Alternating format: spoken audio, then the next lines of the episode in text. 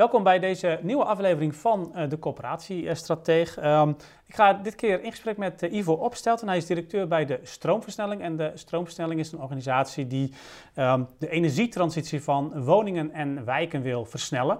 Ze doen dat samen met uh, leden vanuit de hele keten, van gemeenten tot toeleveranciers. En natuurlijk ook met corporaties.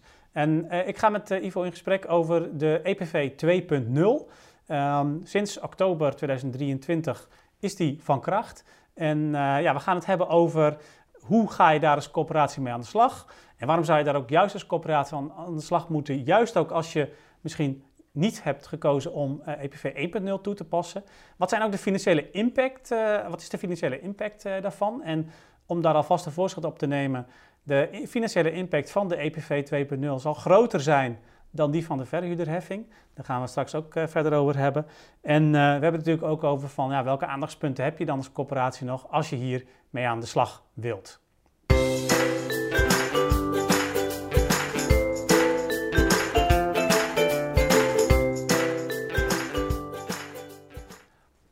Ja, Ivo, uh, dankjewel dat je ook mee wilt doen aan dit, dit interview. Om meteen maar even met de deur in huis te vallen. die EPV 2.0, uh, die ziet er heel anders uit dan EPV 1.0. Kun je uh, kort toelichten wat een beetje de kenmerken zijn uh, van die 2.0 versie? de, de 2.0 versie die maakt onderscheid allereerst tussen ehm, eengezinswoningen en meergezinswoningen. Mm -hmm. Dus die heeft een verschillend, je zou kunnen zeggen, vergoedingsniveau, maar ook een set van eisen afhankelijk van of het een eengezins- of meergezinswoning is.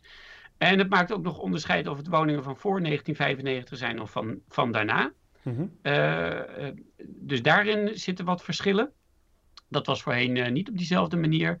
Uh, en ze hebben nu het, in feite nog maar twee, je zou kunnen zeggen qua warmtevraag, nog maar twee ambitieniveaus, basis en hoogwaardig. En hoogwaardig zou je nog het meeste kunnen zeggen van dat lijkt op uh, het ambitieniveau zoals we dat in het verleden kenden van de EPV 1.0 voor 0 de meter woningen. Mhm. Terwijl uh, basis zeg maar veel meer lijkt op het warmtevraag ambitieniveau wat hoort bij de standaard zoals die is bedacht voor woningen van na 1945. Ja, want de EPV is ooit geïntroduceerd om um, nou ja, ook, huurders te laten meebetalen aan de energieprestatie van hun woning. Um, eh, hoe, hoe, hoe ziet dat er nu in die uh, eh, 2.0 uit? Uh, gaan meer mensen daarmee te maken krijgen? of hoe wordt het voor, voor, ook voor de verhuurder, de coöperatie in dit geval, hoe wordt dat, hoe wordt dat anders?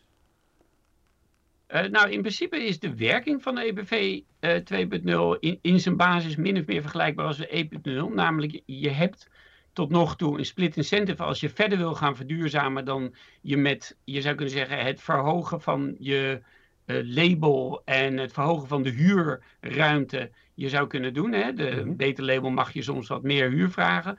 Uh, maar daar, die ruimte is relatief beperkt. Eh, dat is waarom we het nog altijd een split incentive hebben als het gaat om die verduurzaming. En die 1.0 was bedoeld om dat op te lossen. Met name als je naar dat hoogste ambitieniveau naar 0 de meter zou gaan. Ja. Nou, die EPV uh, 2.0, die heeft daar dus wat verschillende ambitieniveaus die het de ruimte geeft. Je overigens ook een, een, je zou kunnen zeggen, een instappenbenadering. Van ik doe een eerste stap naar EPV basis en zet later pas door naar EPV hoogwaardig. Er zijn hmm. meerdere, je zou kunnen strategieën die hier, uh, waar je hier gebruik van mee kan maken. Maar de werking blijft hetzelfde, dat je hiermee in principe de split incentive, als je verder, verregaand wil gaan verduurzamen, kan oplossen. Uh, zoals jij zei, door de huurder mee te laten betalen aan de investering, dat is eigenlijk niet de werking. Hè? Je, als je woning een bepaald prestatieniveau heeft, dan mag de corporatie daarvoor een vergoeding vragen, omdat de woning ook een lagere energielast met zich meebrengt. Ja. Dus er zit daar een trade-off tussen uh, energielast en energieprestatievergoeding. En wat krijgt de huurder er dan voor terug? Een betere, prettigere woning om in te wonen. Mm dus dat is nog altijd de belangrijkste meerwaarde geweest. We hebben bij het wel eens als slogan ook gebruikt. Beter wonen voor hetzelfde geld. Nou, dat is in principe wat je met de vergoeding kan doen. Je hoeft overigens natuurlijk niet de maximale vergoeding te vragen, maar dat is hoe de vergoedingsbedragen zijn bedacht. De verlaagde energielasten omzet naar een vergoeding voor een betere woning op het gebied van gezondheid, comfort, klimaat, eh, noem maar op. Ja, Ja, helder. Ehm, en, uh, want er zijn in het verleden ook wel uh, corporaties geweest die natuurlijk met 1.0 al hebben gewerkt. Ook corporaties die dat bewust niet hebben gedaan. Of, of wel hebben gedaan eerder, maar later niet meer. Omdat ze het bijvoorbeeld te ingewikkeld vonden. Of omdat ze niet naar die 0 op de meter woning toe wilden.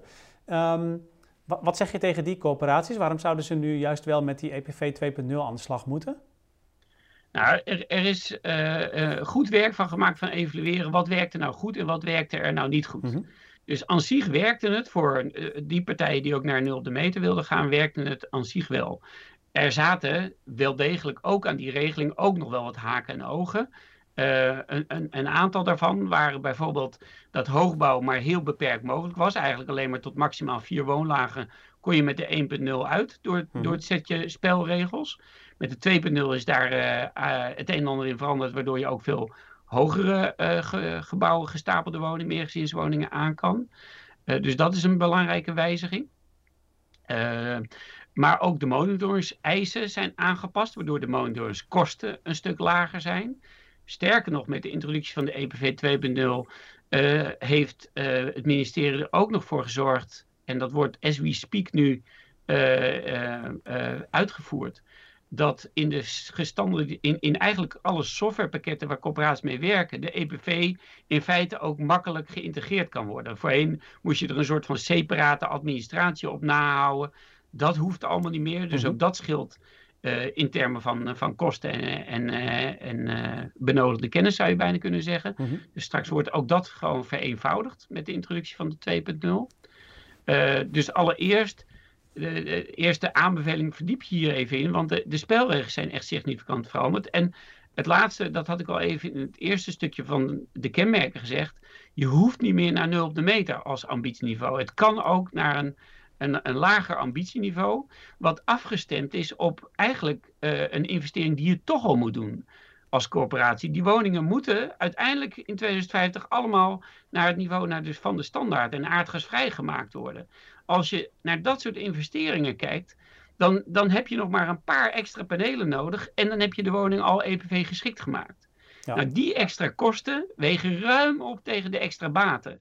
Dus ja, eh, als ik het heel oninbiedig zou zeggen, het zou raar zijn eh, economisch als je dit niet eh, gaat hanteren.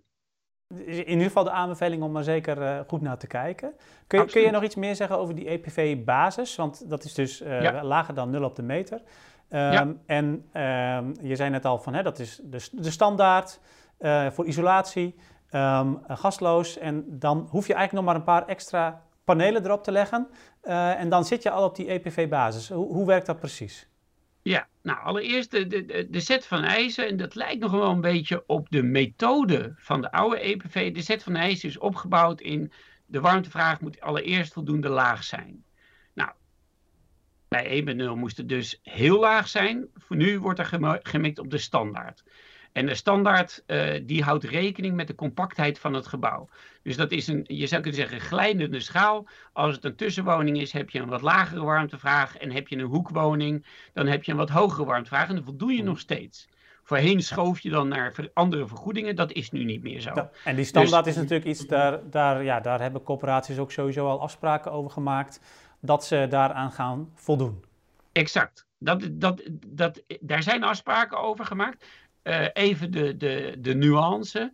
Uh, de, het niveau waar je naartoe moet is de standaard zoals die is berekend voor woningen van na 45. Dat wil niet zeggen dat je het niet kan toepassen voor woningen van voor 45. Alleen je moet naar dat isolatieniveau. Ja. En dat is ook heel bewust, want alleen bij dat isolatieniveau is de woning ook voorbereid op aardgasvrij ga je eigenlijk naar de standaard van voor 45, dan ben je eigenlijk daar helemaal niet van verzekerd dat je naar aardgasvrij kan. In ieder geval niet met een uh, lage of middentemperatuur uh, aanvoer van je warmte. Dus als jij naar hoge temperatuur warmtenetten gaat, dan kan je dat misschien wel. Maar als die warmtenetten later alsnog een lage temperatuur, dan had je toch nog verder in vragen uh, ja. terug moeten. Nou, ongeveer dat niveau van de standaard, zoals die geldt voor woningen van na 45. Dus dat is de eerste eis. Dat is de warmtevraag. Die moet ja. voldoende laag zijn. Maar dat is dus minder ambitieus dan bedacht was destijds voor 0 de meter. Um, in de nieuwe EPV is dat meer het niveau van nieuwbouwwarmtevraag. Ja. Dus dat hoeft nu niet voor EPV-basis. En het tweede wat je voor EPV-basis moet, is voldoende. Uh, je moet hem aardgasvrij maken. Uh, in dit geval zoals de EPV nu is uitgewerkt, je moet hem eigenlijk all-electric uh, aardgasvrij maken. Ja. Een EPV warmte hebben we nog niet, maar daar wordt nu ook snel aan gewerkt. De enige reden waarom die er nog niet is, is ook omdat de wet collectieve warmtevoorziening er nog niet is. En je daardoor nog niet helemaal weet hoe zou die er dan uit moeten zien. Ja, dus dat is ook work in progress, maar uh, ja. ja, ik hoor je zeggen dat dat komt er wel aan in ieder geval. Dat, nou ja, de, wil je daarbij, dat is dan alvast even een, een, een stiekem tweede aanbeveling, wil je daar ook voor aan zitten? Uh, ja, neem dan contact op met stroomstellingen. Doe mee aan de ontwikkeltafel, want daar gaan we de EPV-warmte maken. Maar dat is niet voor deze ja. exercitie. Dus allereerst all-electric maken, in dit geval dus met de warmtepomp. Mm mogelijk kan het ook nog met een, met een kleine collectieve WKO. maar in ieder geval geen, geen normaal warmtenet, zullen we zeggen. Ja, geen aardgas. Ja. en geen aardgas, absoluut. Uh, ook niet een waterstofnet, uh, in feite gewoon all-electric. Nou, dan heb je dat gedaan. En dan als laatste moet je nog voldoende opwekken om de stroom die je nodig hebt om in de warmtevoorziening, de warmtapwatervoorziening en de gebouwgebonden elektra, dus voor ventilatie en eventueel voor het monitoringsapparaat, daarvoor moet je mhm. voldoende opwekken. Ja. je, je moet hem je zeg maar e, bank 2 is 0 maken. Hè? Vroeger was dat de EPC. Dan was het EPC is 0. Nu is dat de bank 2. Bank 2 is 0 moet je hem maken. Ja. Heb je dat voor elkaar, dan is die EPV waardig. En dat, en dat betekent eigenlijk dat je uh, naast het eh, isoleren, naast uh, uh, all-electric verwarmen, dat je ook eigenlijk je dak vollegt met, met zonnepanelen. Nee, de, de, je hebt niet zoveel nodig om het, om het vol te leggen. Dat was, dat was in het verleden zo bij EPV hoogwaardig zou dat nu zijn, mhm. maar bij de oude EPV even nul, omdat je dan ook voor huishoudelijk gebruik voldoende moest opwekken. Ja, precies. Dat hoeft voor de EPV-basis niet. Dus je kan met veel minder panelen kun je ook al uh, op dat EPV-niveau komen. Ja, dus ook als je die ruimte niet hebt door dakkapellen, door wat dan ook, uh, ja, kun je dat al snel realiseren al, al, snel heb je wel voldoende dak, uh, dakoppervlak tot je beschikking om het alsnog voor, wel voor elkaar te krijgen.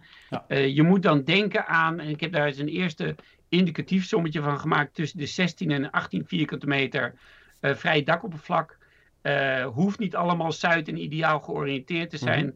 Maar als je het in die orde grootte denkt, en dat hebben toch de meeste woningen wel, zelfs bij meer gezinswoningen kun je dat nog wel organiseren. Eh, dan, eh, dan heb je genoeg om eh, aan de EPV-basis te voldoen. Ja. ja, die EPV-basis is dus echt wel een toevoeging ten opzichte van 1.0, waardoor ook ja, veel meer woningen daarvoor in aanmerking komen en dat ook veel, sneller voor coöperaties natuurlijk interessant wordt, ook als ze niet per se direct naar, naar nul op de meter gaan. Ehm, Alleen voor nieuwbouw werkt het niet. Daarvoor moet je echt naar EPV hoogwaardig. Maar dat heeft alles te maken met dat die warmtevraag dan toch al lager moet zijn. Vanuit de huidige nieuwbouwwijze. Ja, want daarnaast heb je nog een, een EPV hoogwaardig, hè, naast die basis. Ja. Uh, en dat gaat dan ja, weer meer lijken op, uh, op, op de EPV 1.0. Zeker voor eengezinswoningen lijkt die veel meer op de EPV 1.0. Uh, ook daar is wel dus de belangrijke aanpassing dat daar nu gerekening gehouden wordt met compactheid. Mm Wat toch betekent dat je een niet zo extreme uh, isolatie nodig hebt als dat je bij de Ependel soms nodig had, omdat je anders die hoekwoningen bijvoorbeeld niet op voldoende laag vraag kreeg. Ja. Of dat je daar veel minder vergoeding voor kreeg. Dat, dat is nu niet meer zo. Uh, dus in die zin uh, is het toch nog iets afgezwakt, zou je kunnen zeggen, om meer rekening te houden met de diversiteit van bouwvormen bij eengezinswoningen. Maar bij eensgezinswoningen moet je wel inderdaad extra opwekken voor het huishoudelijk gebruik.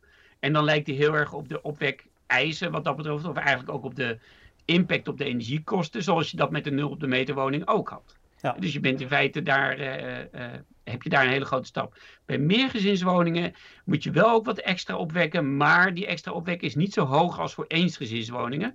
Om alweer te zorgen dat je ook wat hogere gestapelde woningen ook nog steeds kan laten voldoen. Ja, dus daar is ook gekeken van um, ja, hoe, hoe, hoe kun je het ook uh, zo doen dat het ook voor, uh, voor corporaties die misschien niet, uh, uh, ja, die, die net iets ander vastgoed hebben, dat ook voor hun interessant wordt.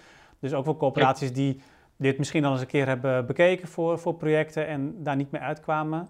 Ook op dat hoge niveau um, zou het best interessant kunnen zijn om dat nog eens opnieuw te bekijken. Of je onder de nieuwe eisen wel ja, toch ook aan dat hoogwaardige niveau kunt, kunt voldoen en op die manier ook de EPV kunt toepassen. Zeker. Ja. Het is al snel dat, dat richting de 10 woonlagen gewoon nu wel kan. Dat zou nooit hebben gekund met de EPV 1.0 of, ander, of hooguit met hele bijzondere uh, maatregelen. We hebben er ooit een gezien met gebouwgebonden wind en zo. Dus dan kan het technisch net aan. Uh, nu is het, uh, ja, je zou kunnen zeggen, ook met wat meer traditionele oplossingen goed te doen. Ja. Voor, voor hooggestapelde bouw. Maar 20 lagen ga je, gaat je weer niet lukken zonder hele bijzondere technische snufjes. Ja. Wat ik nog wel interessant vond, je zei net ook van, hè, je kunt dus ook als corporatie nu ervoor kiezen om eigenlijk stapsgewijs naar dat hogere niveau ja. te gaan. dat is natuurlijk ook wel iets wat ja, ook wel aansluit bij strategie van veel corporaties om eerst eigenlijk, um, nou ja, er wordt dan bijvoorbeeld NOM-ready genoemd of, of uh, iets in die termen. Uh, maar in ieder geval eerst uh, vooral te richten op het isoleren en, en pas later helemaal naar dat hoogwaardige niveau toe te gaan. Um, ja, dat wordt dus ook gefaciliteerd hiermee. Ja, het werkt hier iets anders in termen van de stapjes, omdat je nog steeds voor EPV-basis wel een all-electric en met een stukje opwek zou moeten ja, hebben. Dus je hebt in ieder geval Echter, al installaties moet je al wel doen. Ja, je moet wel wat installaties doen, anders heb je geen EPV. Mhm. uh, maar een belangrijk verschil is uh, zeg maar hoe je dat doet. Want je kan zeg maar, een woning naar dat basisniveau brengen door alle bouwdelen een beetje te isoleren. En dan vervolgens een warmtepomp erin te hangen en, uh, en PV-panelen. Of een aantal bouwdelen heel goed te isoleren. Nou, aantal, een ander deel nog niet. je kan je voorstellen dat een van de kostbare elementen bij een renovatie zit bijvoorbeeld in het triple glas gaan aanbrengen. Uh, ja, je, je kan ook zonder dat, kun je al bij EV-basis komen door bijvoorbeeld het dak wat beter te doen. En misschien die gevel en, en het glas voorlopig nog even niet. En, en de vloer wat beter te doen. Dan heb je al voldoende vraagreductie, uh, in combinatie met een balansventilatie, voldoende vraagreductie voor die EV-basis. Ga je dan later naar die kozijnen en het glas toe en misschien nog uh, wat aan de spouwmerinsulatie doen, dan kun je toch nog doorbouwen naar EV hoogwaardig. En dat scheelt je toch weer in je, in je uitgaven. En daarmee scheelt je. Uh, en, en toch heb je alvast een, een belangrijke business case toegevoegde waarde gecreëerd. Ja. ja, natuurlijk ook belangrijk. Dan zou je inderdaad ook natuurlijk met hetzelfde geld meer woningen al sneller exact. kunnen verduurzamen. En ook iets meer dat je ja. ook huurders natuurlijk op eenzelfde manier behandelt. En niet ja, de een al meteen op dat hoogwaardige niveau zit en de ander. Nee bij wijze van spreken nog in een, eh, in een F-label woning zit. Nee, klopt. En dit was ook een van de redenen om, om ook, ook deze uh, vormen bij te nemen. Omdat dat natuurlijk ook een van de opmerkingen is geweest van corporaties. Ja, ik, ik wil liever uh, meer woningen doen uh, dan en meer woningen een beetje goed. Dan mm. wat minder woningen echt goed. Ja. Um, zaten overigens ook nog weer wat andere nadelen aan, aan die strategie. Maar met de huidige EV-basis en hoogwaardig kun je dat faciliteren zonder al de nadelen. En dat betekent wel dat corporaties daar natuurlijk wel weer opnieuw naar moeten gaan kijken van hoe ze dat dan precies doen. Want uh, ja, je kunt natuurlijk op 101 verschillende manieren uh, eerst een e-, ene stap en dan vervolgens een tweede stap uh, zetten. dat, dat, daar, daar, zitten dan natuurlijk wel de richtlijnen aan die je net hebt, hebt toegelicht van de basis en de hoogwaardige variant. Um, maar het is in ieder geval mogelijk om wel op die stapsgewijze manier uh, te werken nu, ook met de EPV. Nou, en, en, ik zou je wel even willen nuanceren met hond in één manier. Er zijn natuurlijk meerdere manieren denkbaar, absoluut. Maar het is ook wel weer wat beperkter als je het uh, verstandig in stappen wil doen. Er zijn er ook weer niet zo heel veel varianten. En dat is maar goed ook. Want uiteindelijk willen we natuurlijk dat die aanbodzijde zich ook wat meer gaat toeleggen op dit soort uh, uh, ambitieniveaus, prestatieniveaus.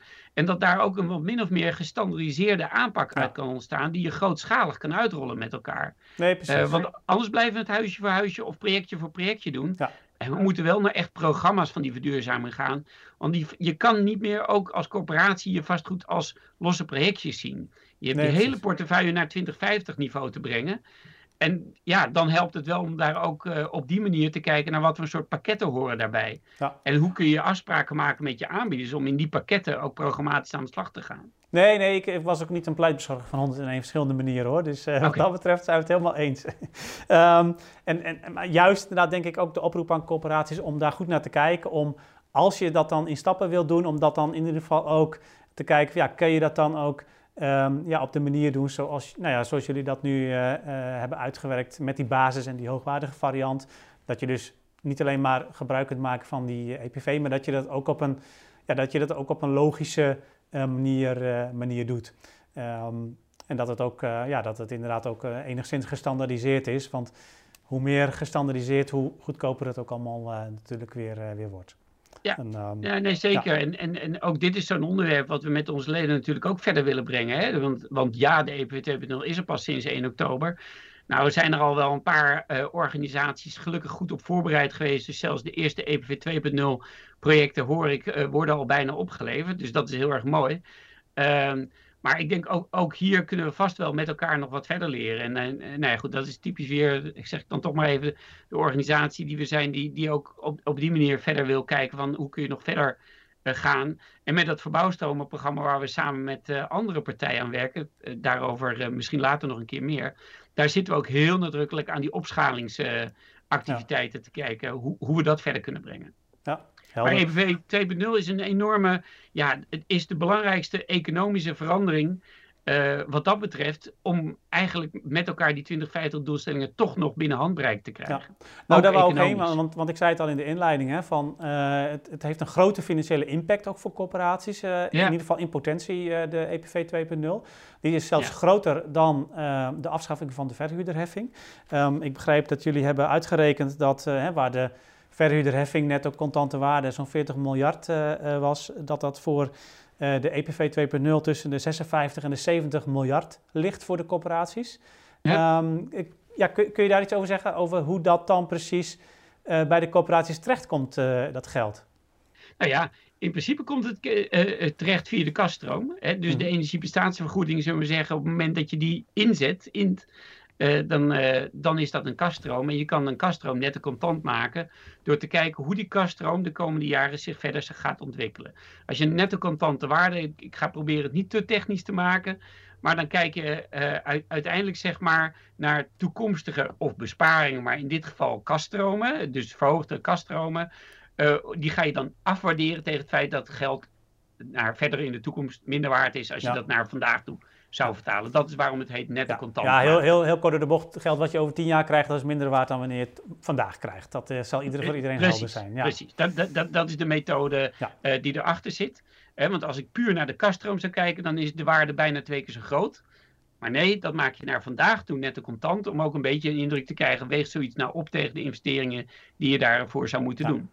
En dan bleek dus, als je puur naar de, het effect van de EPV 2.0 zou, zou toepassen op alle uh, corporatiewoningen in Nederland. Hè, dus daarvan weten we hoeveel er zijn. We weten ook ongeveer hoeveel er grondgebonden zijn en hoeveel meer gezinswoningen zijn. Als je het nou op allemaal zou toepassen, dan zou je dus op die bedragen komen zoals jij ze net ook hebt, uh, hebt aangegeven. Dus de 56 en 70 miljard uh, euro wat het waard is. Mede afhankelijk van of je naar hoogwaarde gaat of dat je op EPV-basis blijft steken. Ja. Zou, zou natuurlijk een, een, een makkelijk uh, tegenargument zou natuurlijk zijn van ja, nee, maar niet alle corporaties gaan dat misschien doen, dus dan wordt het veel minder. Maar als je ja. natuurlijk als individuele corporatie dit gaat, doet, gaat doen uh, en je vergelijkt het alleen met je eigen uh, besparing op de verhuurderheffing, dan kan dat natuurlijk een grote impact maken, denk ik. Hè? Ja, nee, precies. Kijk, die, en die, voor, die, voor die afschaffing verduursheffing hebben ze terug moeten geven. Hè, dus dat, ze kregen geld, maar daarvoor moesten ze teruggeven dat ze de woningen minimaal naar de standaard brachten. En eigenlijk een flink aantal daarvan ook nog eens aardgasvrij gingen maken. Dat, dat was wat al met dat geld moest gebeuren. Uh, dus als je het daartegen afzet, dan, hè, ik, ik, zei al, de, de netto contante waarde is eigenlijk groter dan de afschrijfverhuurdersheffing. Dus je zou ook hebben kunnen zeggen, wij geven jullie de EPV 2.0, dan moeten jullie dat doen, plus nog wat meer. Maar dat is niet gezegd. Dus je moest dan voor die afschrijfverhuurdersheffing dit doen, hm. naar de standaard en eigenlijk ook woningen, een groot aantal daarvan al voor 2030 aardgasvrij. Doe je wat extra panelen, dan is je opeens evenveel hoogwaardig en ontsluit je dus een enorm extra verdienpotentieel. Ja. Uh, en dat is inderdaad op, op vastgoedniveau, op, op, uh, dus, dus voor je eigen portefeuille en zelfs op projectniveau, maakt dat dus enorm veel uit. Uh, ja. En maakt het verschil tussen een wel of niet gezonde business case opeens inzichtelijk. Ja, en dit is dus echt wel een. een uh, eh, wat corporaties dan moeten doen, is, is natuurlijk de EPV toepassen. Hè, dus dat ook, ook aan, hun, uh, aan hun bewoners uh, vragen. Maar daarnaast moeten ze ook nog wel iets extra's doen aan, aan de kant van de verduurzaming, begrijp ik. Ze moeten dus met name ten opzichte van die eisen die we net zeiden, vaak gewoon extra PV-panelen. Of als ze de woning alleen naar de standaard wilden brengen, dan moet je ook nog die warmtepomp toch toepassen. Mm -hmm. En wat panelen. Dus dat zijn de extra investeringen. Uh, Daar staat dus dan die kaststroom tegenover. En ja, je kan ook voor jezelf het sommetje maken. Ga ik hem volledig inzetten of ga ik hem niet volledig inzetten? Uh, dat zijn uiteindelijk corporatieskeuzes. Hè? Dan kom je bij de beleidskeuzes. Uh, uh, maar dit zijn wel de mogelijkheden die je nu hebt. Zet je hem vooral extra in bij mutatie of niet? Dat zijn allemaal nogmaals strategische keuzes hoe je ermee kan werken. Ja. maar je moet je woning er eigenlijk wel al geschikt voor maken. Anders dan ben je een stukje desinvestering aan het organiseren. En dat zou zonde zijn. Ja, dus in ieder geval, uh, ja, zorg in ieder geval dat je uh, aan, de, aan de kant van het vastgoed dat goed op orde hebt. En natuurlijk kun je dan ook nog verschillende keuzes in maken hoe je dat dan precies ook uh, naar de bewoners toe vertaalt. Dat zal ook afhangen van wat je allemaal nog meer aan investeringen wilt doen als coöperatie, wat je financiële positie is, wat de betaalbaarheid voor, de huurder, voor de huurder is. Um, daar wou ik ook eventjes naartoe, hè, van wat nou als je hier als coöperatie praktisch mee aan de slag gaat. Um, jullie hebben ook Um, ja, jullie hebben het ook veel over bewonerscommunicatie, wat daar dan omheen belangrijk is. Um, kun je daar nog iets meer over zeggen? Want het, ja, het betekent natuurlijk wel voor bewoners dat ze, uh, ja, ze, ze gaan meer betalen dan wanneer je die EPV niet toepast. Uh, ja, als ze de woning wel EPV-waardig maken, maar je past hem niet toe, uiteraard betaal je dan ja, ja. minder dan als je hem wel toepast. Dat is, dat is uh, helemaal helder. Um, uh, hoe, hoe, kun je hier als, uh, om wat, wat concreter te maken, hoe kun je dan als coöperatie echt goed in gesprek gaan met je bewoners hierover? Heb je daar tips voor? Ja, kijk, eh, sowieso is het altijd al belangrijk geweest op het moment dat je, en dat is bij elke renovatie nu ook al zo, op het moment dat je plannen maakt, zul je met je bewoners in contact moeten gaan. Want uh, zo, welke ingreep dan ook, of je het nou uh, zoals de, de, de oude nul op de meter warme jas niveau doet, of je doet het op een andere aanpak, je doet een ingreep in een woning en mensen beschouwen toch die woning als hun, hun nou ja, heiligdom, hun thuis. En dan moet je dus een goed in gesprek mee gaan van wij gaan daar wat aan doen en, en dat moet voor u ook uh, toegevoegde waarde leveren. Ja. Dat kan economisch zijn, maar dat kan ook gewoon de woning weer helemaal van deze tijd maken. Ook qua gezondheid, comfort, binnenmilieu. Geen risico's op schimmels, noem maar op. Dat gesprek dat moet je sowieso gaan hebben. Op het moment dat je dat gesprek hebt, zul je ook kunnen toelichten van, nou ja, hier zal een flinke investering voor nodig zijn. En een deel van die investering, dat is iets wat wij als coöperatie sowieso bereid zijn om te doen. Maar willen we het nou echt voor u ook u wat minder, je zou kunnen zeggen, afhankelijk maken van de wisselende energieprijzen, dan is het verstandig om die vraag nog verder terug te brengen, ook een stukje opwek te gaan organiseren. Daar vragen we dan, en mogen we dat ook, de energieprestatievergoeding voor in te gaan zetten. Wat belangrijk is, is dat ze wel ook kijken naar je zou kunnen zeggen, de verschillen tussen bewoners. Hè. Gedrag maakt ook uit hoeveel kosten zij hebben. De energieprestratievergoeding is een bedrag wat je hebt berekend op de gemiddelde bewoning. Maar niemand is precies gemiddeld.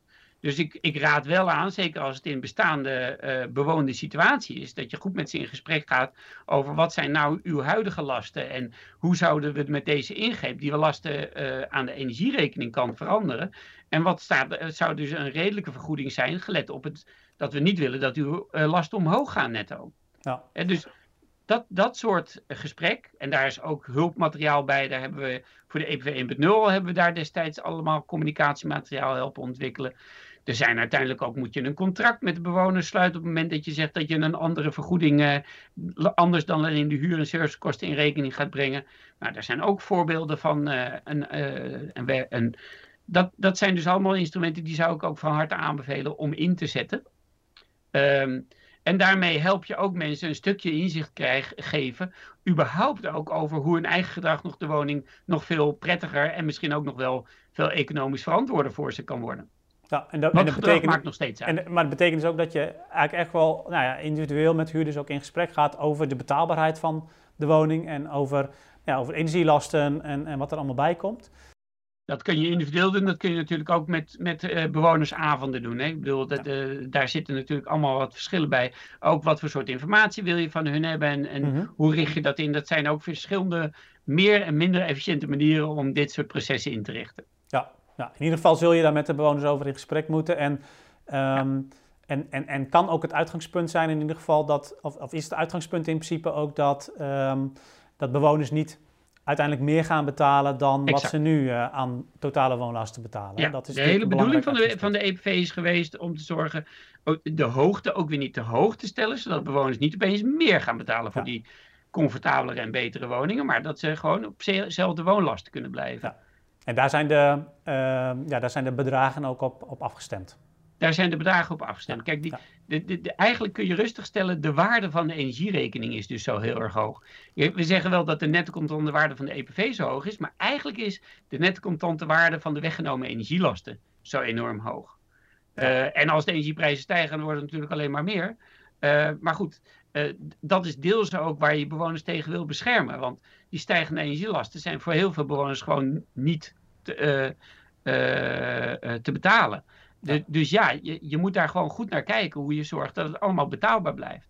En het blijft nog steeds zo beschikbaar, betaalbaar en duurzaam. Die moet je met elkaar in vereniging brengen. En daar helpt die EPV enorm bij. Ja, ja en natuurlijk ook, uh, ja, je moet natuurlijk heel goed als coöperatie, denk ik, de, sowieso de afweging maken hè, van uh, hoeveel kan ik ook doen? Uh, kan ik het allemaal verduurzamen? Um, en welke EPV moet ik dan eigenlijk wel vragen aan, aan bewoners, zodat ik ook weer op andere plekken uh, ook de andere bewoners ook tegemoet kan komen in verduurzaming. Um, daar moet je natuurlijk, goed over nadenken. Um, even tot slot misschien, corporaties ja, hebben, hebben hier naar gekeken, die hebben daar misschien nog vragen over. wat zou je aanraden als eerste stap om met die EPV 2.0 aan de slag te gaan als je als corporatie eigenlijk uh, nou ja, daar nog niet uh, de ervaring mee hebt? Ja, allereerst denk ik, het is goed om te beseffen dat binnen een corporatie heb je mensen met allemaal verschillende verantwoordelijkheden. We, hebben de bestuurders, we hebben de, de projectontwikkelaars, we hebben de vastgoedbeheerders en we hebben de bewonersconsulenten in principe is de EPV uh, een instrument wat goed is om kennis van te hebben uh, binnen de hele organisatie. Maar allereerst is het natuurlijk gewoon een strategische keuze. Hoe ga je mee, hiermee om? Mm -hmm. uh, uh, daarvoor wordt, hebben we, nou ja, met deze, we hebben daar al natuurlijk wat informatie gegeven. er zijn nog een aantal andere kennissessies die deels al gegeven zijn. kijk op onze website, daar is een link naar een onlangs gehouden webinar. En er wordt ook nog binnenkort wat georganiseerd samen mm -hmm. met Edus. Dus dan wordt er wat verder verdiept. Daar kun je ook je vragen in kwijt. Uh, een hoop vragen kunnen misschien al beantwoord worden uh, via de, de kennisdossiers die hier bij Stroomstelling en op Energielink staan. RVO heeft ook een website waar ze een heleboel informatie hierover delen. Dus er is allereerst op het internet al best wel het een en ander te vinden. Loop je dan nog steeds tegen vragen aan? Of heb je juist ook behoefte om eigenlijk mee te, aan te sluiten om, om verder te kijken naar bijvoorbeeld zo'n EPV warmte, omdat jij in een gebied zit waar veel meer met warmtenetten gewerkt wordt, ja, dan zou ik zeggen, neem dan gewoon ook direct contact met ons op, want dan kunnen we kijken hoe we elkaar uh, daarin concreet verder kunnen helpen. Um, zijn, zijn er andere kennisvragen of behoeftes? Mag je ze altijd stellen? Zijn ze makkelijk te beantwoorden? Dan ben ik altijd bereid om die makkelijke antwoorden ook meteen uh, te geven. Uh, zijn ze wat moeilijker, dan zal ik misschien wat meer tijd nodig hebben. Of dan moeten we wat, uh, wat ander uitzoekwerk met elkaar afspreken. Maar dat zien we dan wel. Het belangrijkste is, neem het serieus. Het is een enorme economische impuls, deze EPV 2.0. Ze maken de nationale prestatieafspraken van iets waar je geen gezonde business case van kan maken. Iets waarmee je op zijn minst de business case een heel stuk duurzamer mee kan maken. Uh, afhankelijk van je situatie misschien wel zo duurzaam dat je uh, probleemloos al je woningen naar 2050 niveau kan brengen. Uh, onderzoek dat dus, want je wil er niet tegenaan lopen dat je over 10 jaar, of eigenlijk minder al, in 2030 je aan je afspraak hebt gehouden, maar de rest van je vastgoed niet meer kan aanpakken. En ook dat moet je proberen te voorkomen. Nou, dus verdiep je hierin, kijk naar de economische kansen, maar neem ook serieus dat als je ermee aan de slag gaat, dat er ook nog andere kennisvragen uh, zijn waar voor een hoop deel al uh, informatie voor beschikbaar is. Helder, dankjewel. Um, nou, lijkt me een mooi huiswerk uh, voor, voor jou als coöperatie om mee aan de slag te gaan. Verdiep je hierin. 2.0 is echt iets heel anders dan, dan EPV 1.0 dus. ga kijken hoe je daarmee aan de slag kan, hoe het ook aansluit bij de vastgoedsturing zoals je die op dit moment hebt ingericht. En ja, onder deze website vind je ook de links die we net al even noemden om nog meer kennis via het internet te verkrijgen. graag tot een volgende aflevering. Doeg!